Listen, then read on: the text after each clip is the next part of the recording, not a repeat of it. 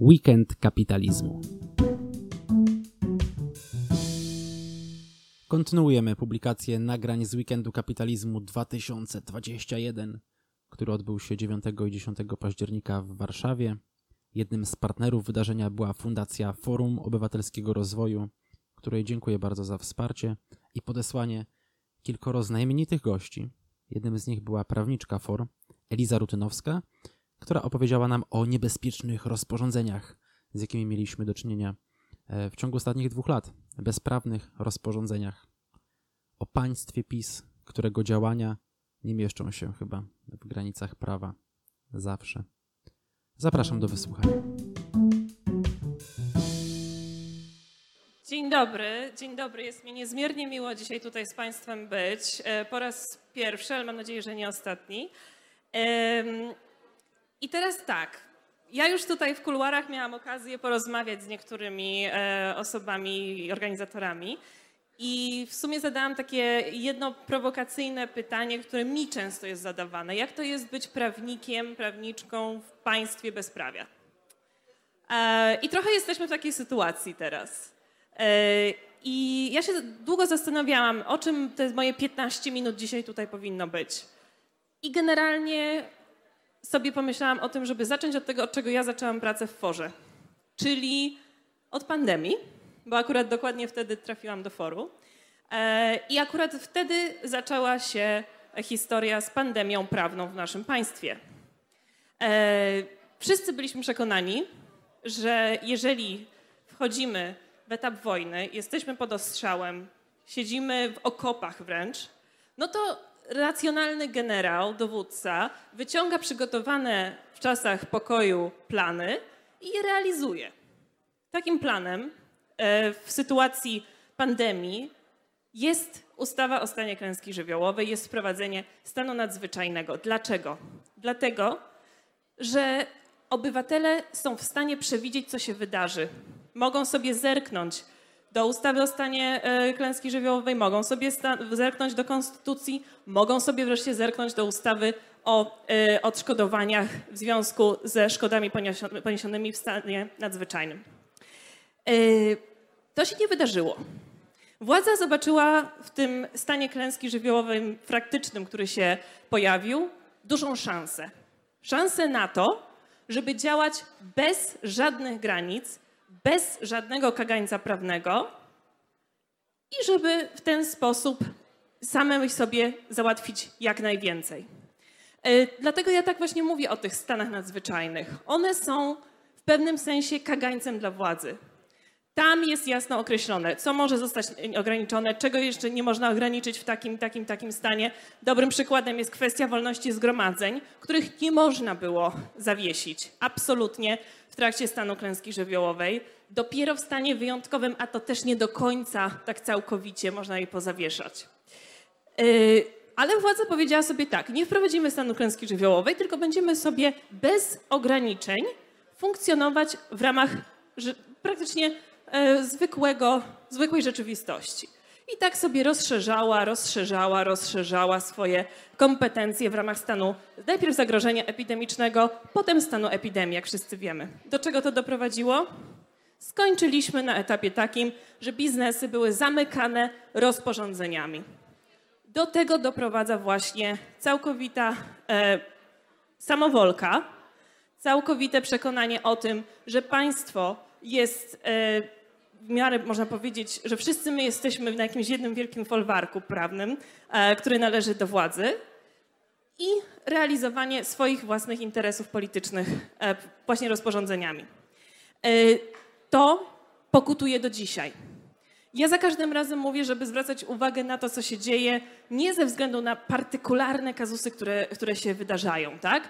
Jeżeli spojrzymy na to, co się dzieje na naszych granicach, ja nawet nie mówię o kwestii tutaj um, sytuacji uchodźczej, która jest straszna na naszej granicy, ale wprowadzenie znowu rozporządzeniem zawieszenia akurat tam, e, konwencji genewskiej akurat, to otwiera furtkę. To otwiera furtkę do zawieszania innych traktatów, innych konwencji, innych ustaleń na innych obszarach. Tu chodzi o mechanizm. Wszelkie działania, które są uzasadniane ideologicznie, również mogą uderzyć w drugą stronę. I dlatego jest tak niezwykle niebezpieczne, kiedy władza uznaje, że może działać sobie bez kagańca prawnego. To, co, to, o czym teraz mówię, wiąże się niesamowicie z tym, co wydarzyło się oczywiście w ostatni czwartek. I wszyscy, którzy się mnie pytali, dlaczego ja tak mało mówiłam, dlaczego tak mało komentowałam to wydarzenie e, z czwartku, czyli ten wyrok upolitycznionego Trybunału Konstytucyjnego. Z bardzo prostej przyczyny. To już nie jest prawo. Ja za każdym razem mówię, że już jesteśmy na takim etapie takiego quasi prawa, takich już um, paraprawnych perwersji, można powiedzieć, że prawnicy nie mają już tutaj nic do roboty. Każda próba analizy tego pod kątem argumentów prawnych, tłumaczenia, ale przecież jesteśmy tutaj związani taką umową, ale przecież zgodziliśmy się na tamto. Jest jakiś, e, jakiś link zaufania e, ze strony obywateli, który już teraz jest mocno nadwyrężony. To już nie ma sensu.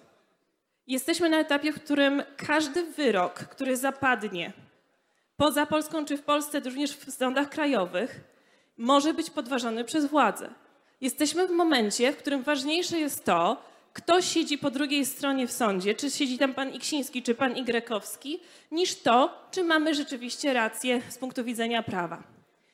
Bez prawa, bez praworządności nie ma wolności inwestycji, nie ma stabilności inwestowania, nie ma szans na to, żeby przedsiębiorcy mogli planować to, jak chcą rozwijać swój biznes. Jesteśmy obecni w sytuacji, w której państwo de facto może nas zaskoczyć każdego dnia. Może wprowadzić Lex TVN odnoszący się do jakiejkolwiek dziedziny naszego życia i nawet dwa razy o tym nie myśleć. Może to przepchnąć, może to dalej próbować legitymizować przez Trybunał Konstytucyjny. Może zrobić jeszcze coś gorszego. Na przykładzie kazusu rozporządzeń. Wszyscy potem sobie pomyśleli, no dobra, Trudno. Jest jak jest, ale będziemy walczyć w sądach o odszkodowania, o zadośćuczynienia na podstawie ogólnych przepisów kodeksu cywilnego. No i fajnie. W praworządnym państwie to by ewentualnie jeszcze mogło przejść. Dlaczego? Dlatego, że nawet w sytuacji, kiedy Trybunał Konstytucyjny jest upolityczniony, istnieje coś takiego jak, i teraz bardzo długa nazwa, rozproszona kontrola konstytucyjności. Czyli możliwość orzekania przez sądy powszechne bezpośrednio na podstawie konstytucji. I te sądy w założeniu mogłyby uznawać takie rozporządzenia za bezprawie legislacyjne, za które oczywiście od, państwo powinno odpowiadać. No, jak państwo odpowiada, tak państwo odpowiada. To wszyscy wiemy, że państwo e, jakby tutaj samo w sobie nie, nie, dysponuje swoimi pieniędzmi, jak wszyscy tutaj już zgromadzeni wiemy, nie, nie za bardzo.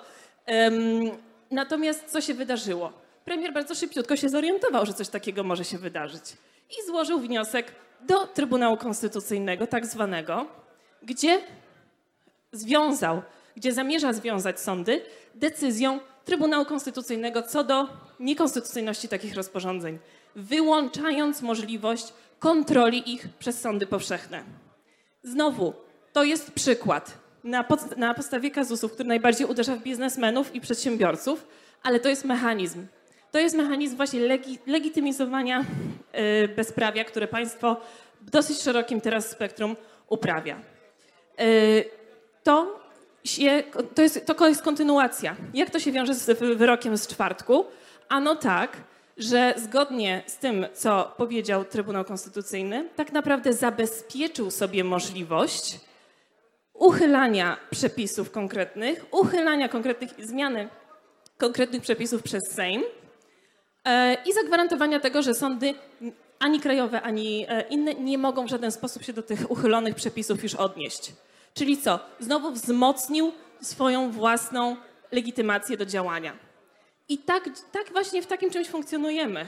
I ja za każdym razem mówię, że jeżeli ktoś już jest na takim etapie y, wzmacniania i takiego kompletnej działania bez kontroli jakiejkolwiek, to już nie ma gdzie się cofnąć. Teraz już może iść tylko dalej. I teraz jest za każdym razem pytanie, co będzie następne? E, jeżeli chodzi o prawa do zgromadzeń. Ja byłam jedną z prawniczek i prawników, którzy e, uczestniczyli właśnie w tych manifestacjach tak, w obronie osób zatrzymanych. My jesteśmy troszeczkę też na takim etapie, że nie możemy za bardzo też wierzyć w to, że policja zachowa się em, tak samo w, w zależności od tego, przeciwko czemu manifestacja się odbywa. To jest niezwykle niebezpieczne. To jest sytuacja, w której tak naprawdę mamy policję, która powinna zachowywać się tak, jak zachowuje się w demokratycznym państwie prawa. Tymczasem zaczynamy się obawiać, czy nie zacznie działać właśnie z myślą, kogo zatrzymuje, a nie dlaczego zatrzymuje. To wszystko doprowadziło do takiej sytuacji, w której okazuje się, że praworządność i demokratyczne państwo prawa pozostaje gwarancją wolności jednostki, gwarancją wolności obywateli i tak naprawdę możemy powiedzieć, że wolność i praworządność idą ręka w rękę. Wyrobiłam się prawie 15 minut dokładnie. I oczywiście, jeżeli e, ktokolwiek z Państwa by chciał jeszcze podyskutować o jakimś konkretnym pra- prawnym problemie, to ja jeszcze będę tutaj w kuluarach. Dziękuję bardzo.